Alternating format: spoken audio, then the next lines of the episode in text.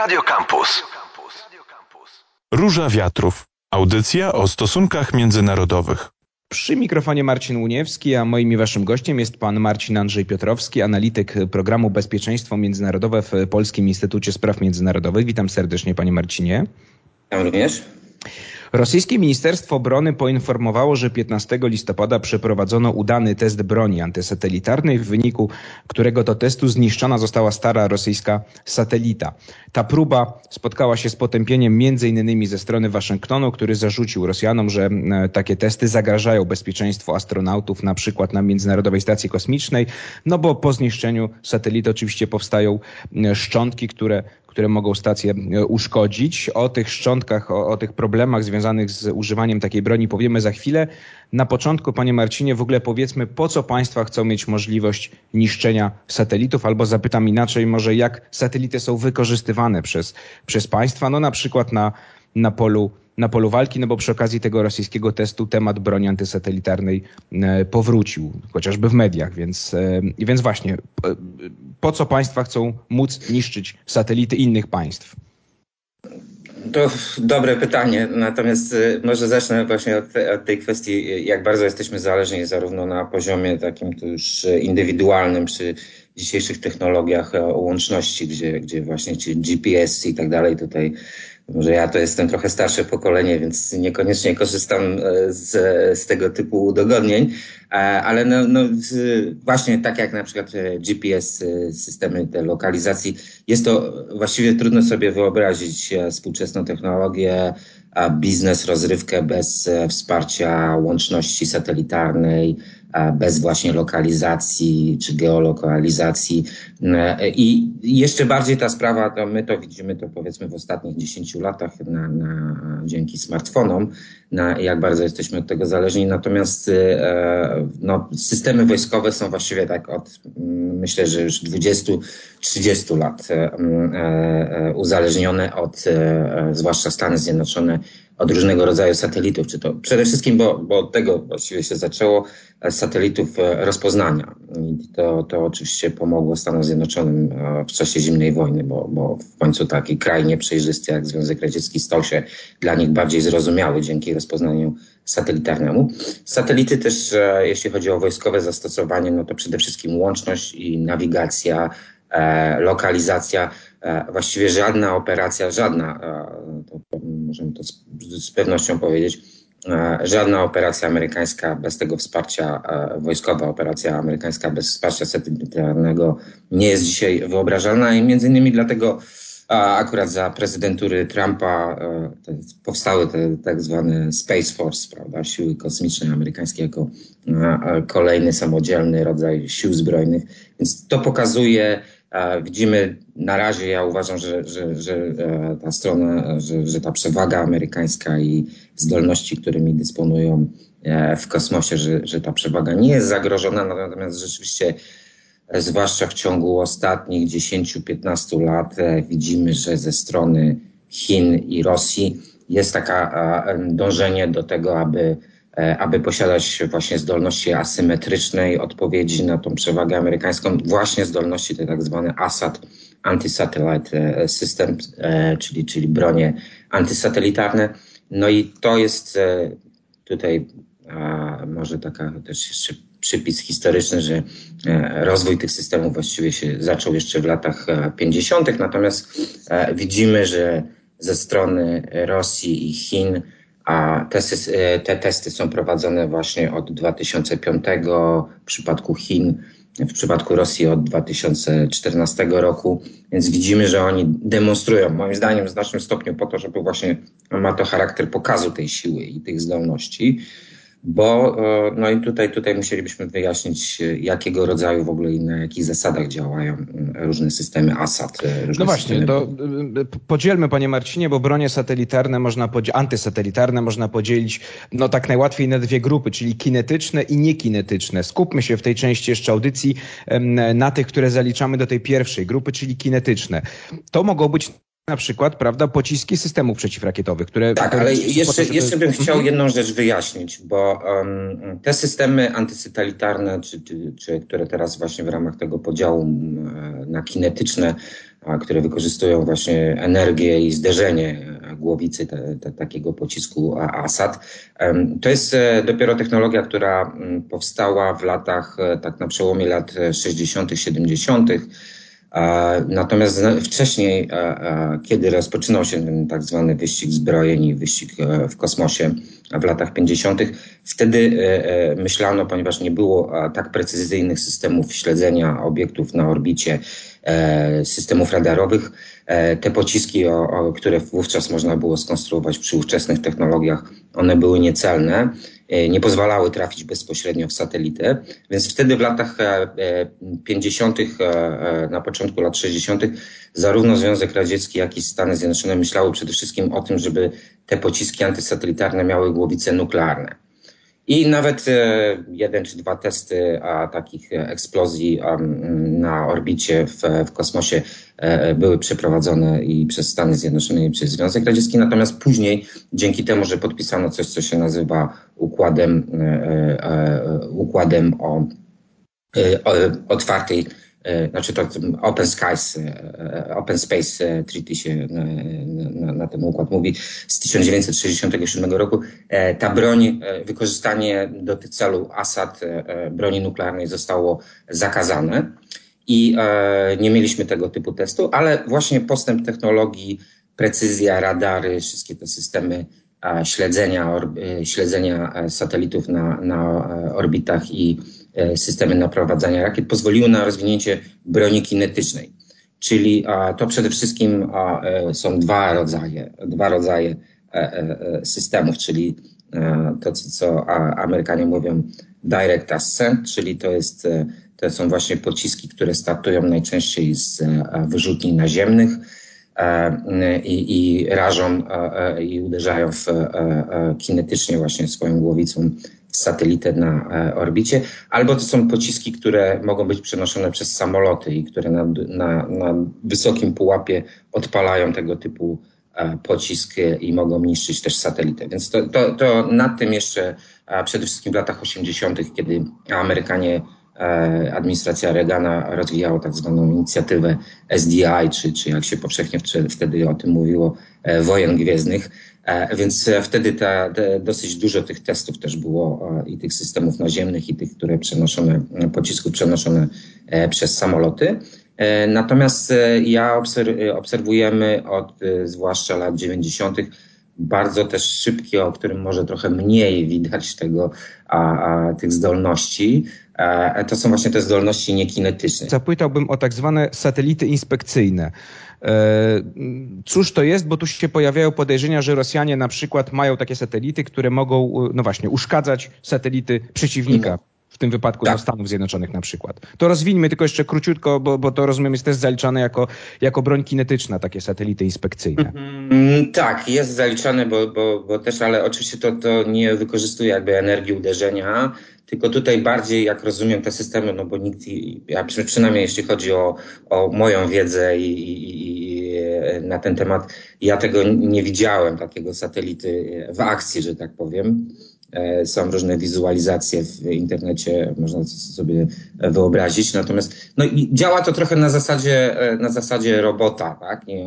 Prawdopodobnie ta, tego typu satelita, a, który jest ładnie nazywany inspekcyjnym, ma po prostu ramię takie robotyczne, którym może spowodować, że zmieni czy uszkodzi a, a funkcjonowanie satelity, zmieni, zmieni jego położenie. I to by oczywiście oznaczało, że że ten satelita jest niesprawny, czy nie może wykonywać swoich funkcji, czy to rozpoznawczych, czy właśnie łączności lokalizacji. Więc e, e, wiemy, że Rosjanie tego typu manewry, a właśnie tego typu. No Amerykanie donosili, prawda, że dziwne manewry. Tak, i też e, robili to wobec tego typu manewry tym swoim satelitom tak zwanym inspekcyjnym wo, wobec satelity rozpoznawczego Francji i Włoch i co też wywołało e, duży, dużą krytykę ze strony tych krajów wobec Rosji. Także e, wiem, że tego typu zdolności, i ja przypuszczam, że, że tego typu zdolności, żeby nie było wątpliwości, a też e, nie ma żadnych problemów i barier dla posiadania tego systemu, te, tego typu systemu e, robot, robotów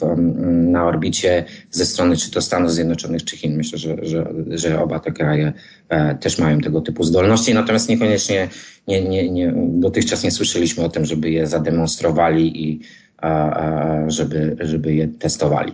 A jak z niekinetycznymi w takim razie, panie Marcinie? Co możemy zaliczyć do takiej broni?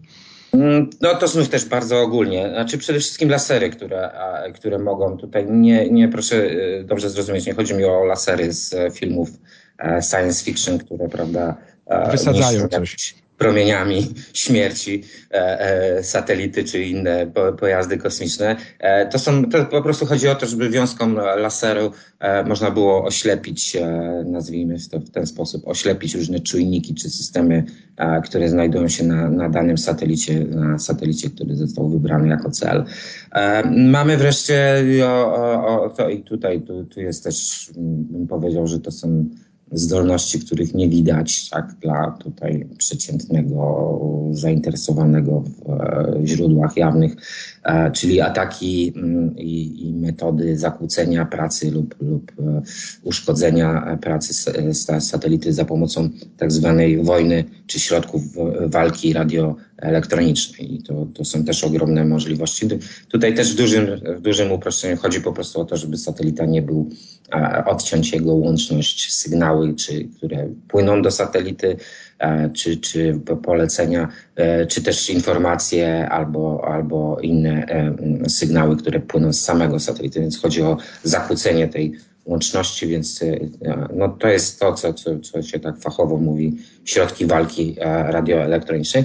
No i wreszcie mamy coś, co jeszcze mniej, jeszcze trudniej byłoby stwierdzić tego typu przypadki o których się nie mówi. Jakby na razie jest to dyskusja trochę teoretyczna, chociaż też nie wątpię, że, że kraje e, tym zainteresowanym rozwijają tego typu zdolności. To są po prostu e, cyberataki, czyli chodzi w tym przypadku o e, albo przejęcie systemu komputerowego i, i, i, funkcjonowania satelity przeciwnika, no albo właśnie zainfekowanie jakimś wirusem, tak żeby on też nie mógł działać. Więc to są, to są te systemy niekinetyczne ASAT.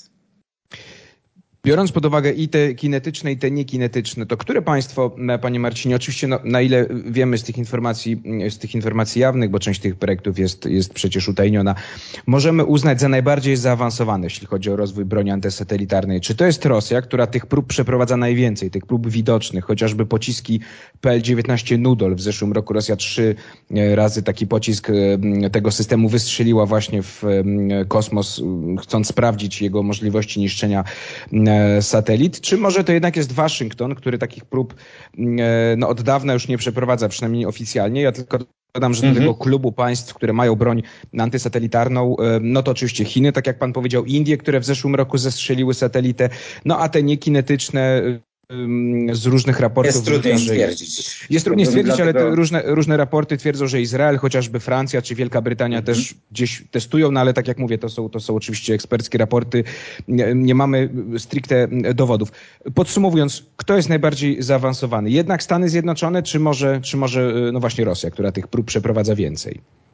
Dobrze, to ja bym powiedział tak, bo jeżeli mamy to obrazowo mówić o jakimś wyścigu w ogóle zbrojeń, to, to mówmy o tych systemach kinetycznych, tak? Mhm, dobrze. Jest, i, I one są zresztą groźne, tak jak pokazał e, ten ostatni rosyjski test. One mogą być potencjalnie bardzo groźne dla, e, dla funkcjonowania satelitów, e, także cywilnych na, na orbicie Ziemi. Więc e, jeśli chodzi o testowanie, to tak jak pan powiedział, Najwięcej tych testów w ostatnim okresie przeprowadziły, przeprowadziły Chiny i, i Rosja.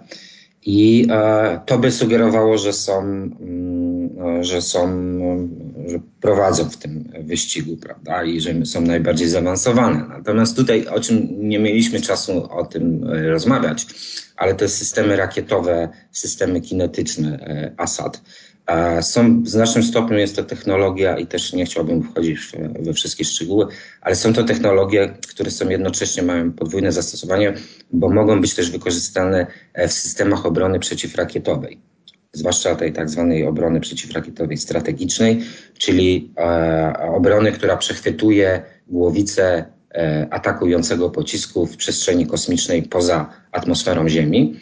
I to jest właśnie, i to, i to sprowadza, i tutaj jest kwestia właśnie, czy, czy zdolności amerykańskie, których nie widzimy, czy których nie demonstrują w ten sposób jak Rosjanie i, i Chińczycy, czy rzeczywiście Amerykanie są w tyle, bo moim zdaniem ten pocisk SM-3, który jest zdolny do, i czy jego kolejne wersje, które są zdolne do e, e, przechwytywania głowic pocisków e, balistycznych, ten sam pocisk może być bardzo skuteczny do, jako broń ASAT, czyli właśnie do niszczenia też satelitów na, na niskiej orbicie Ziemi.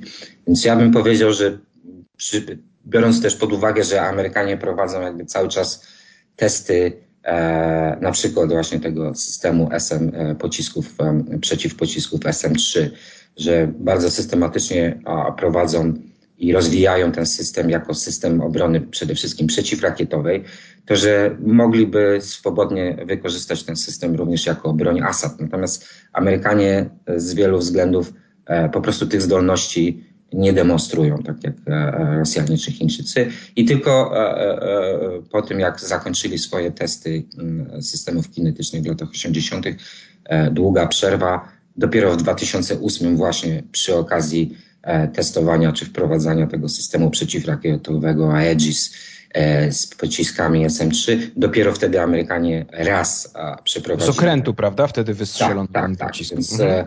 I, I tutaj, i to jest, i to sprowadza do, e, tutaj otwiera następny, e, następną kwestię, mm, czyli, czyli czy można tego rodzaju systemy ograniczyć. To ja zapytam, jakie ryzyko stwarza użycie mm, tej kinetycznej mm, broni satelitarnej? Dochodzi do zniszczenia satelity i co? I właśnie powstaje chmara odłamków, które, które mogą jak kula śniegowa zniszczyć następne, następne obiekty i zostaną na tej orbicie przez mm, setki lat? Y, czy, czy, czy właśnie to, czy jeszcze coś? Dużo i tutaj, tutaj musielibyśmy e, e, zacząć dyskusję już nie tylko o broniach e, i technologiach, ale też o, o mechanice i o orbitach co, z jaką prędkością i tak dalej, dlaczego te.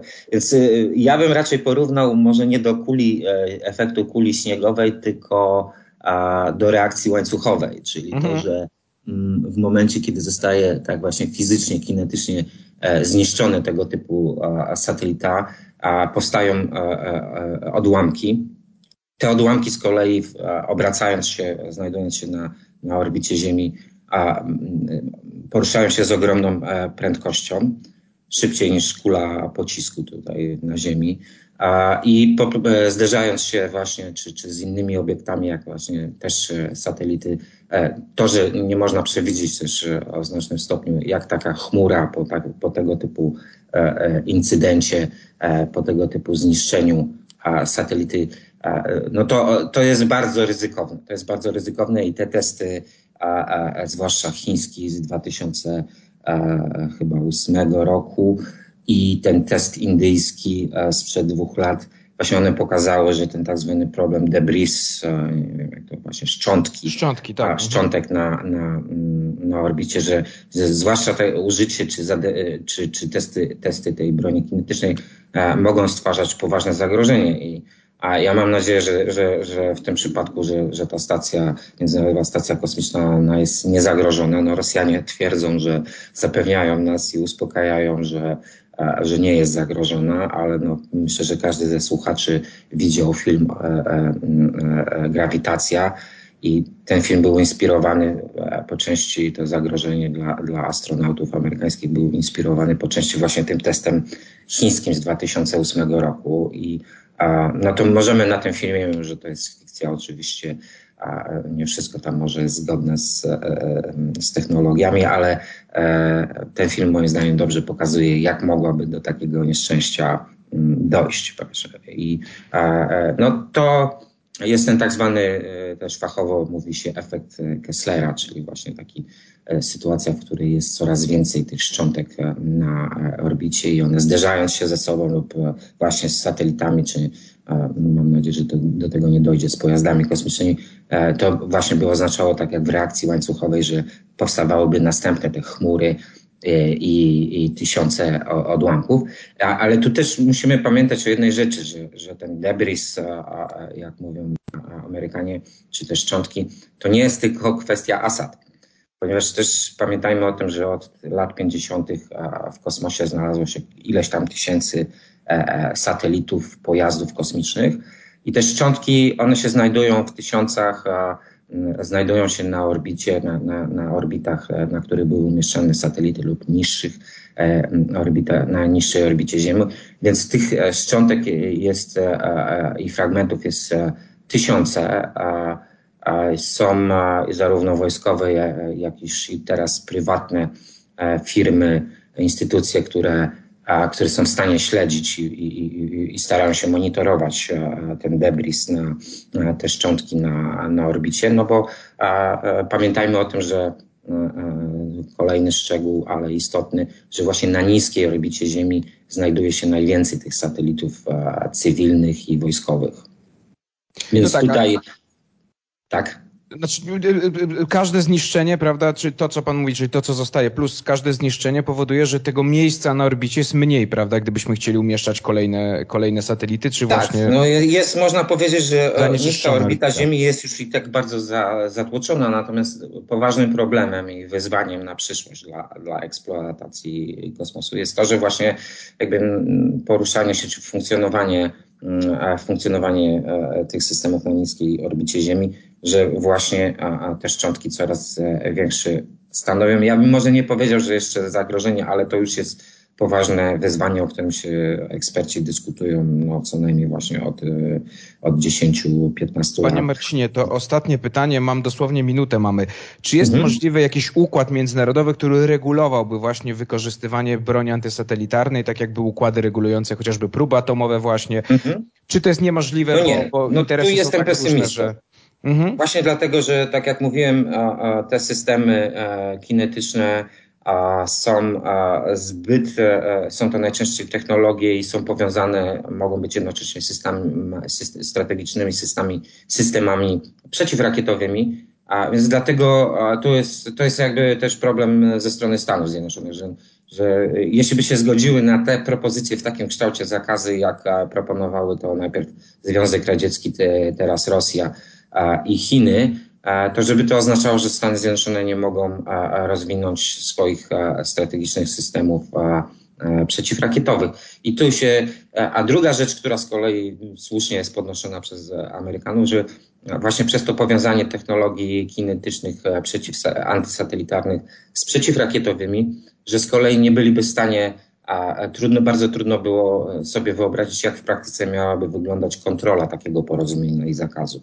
I tutaj kropkę, opierał... panie Marcinie, musimy y, postawić. Tak. Y, Marcin Andrzej Piotrowski, analityk mm, do spraw bezpieczeństwa międzynarodowego z Polskiego Instytutu Spraw Międzynarodowych, był moim i waszym gościem. Bardzo dziękuję, panie Marcinie. Dziękuję również. Radio Campus.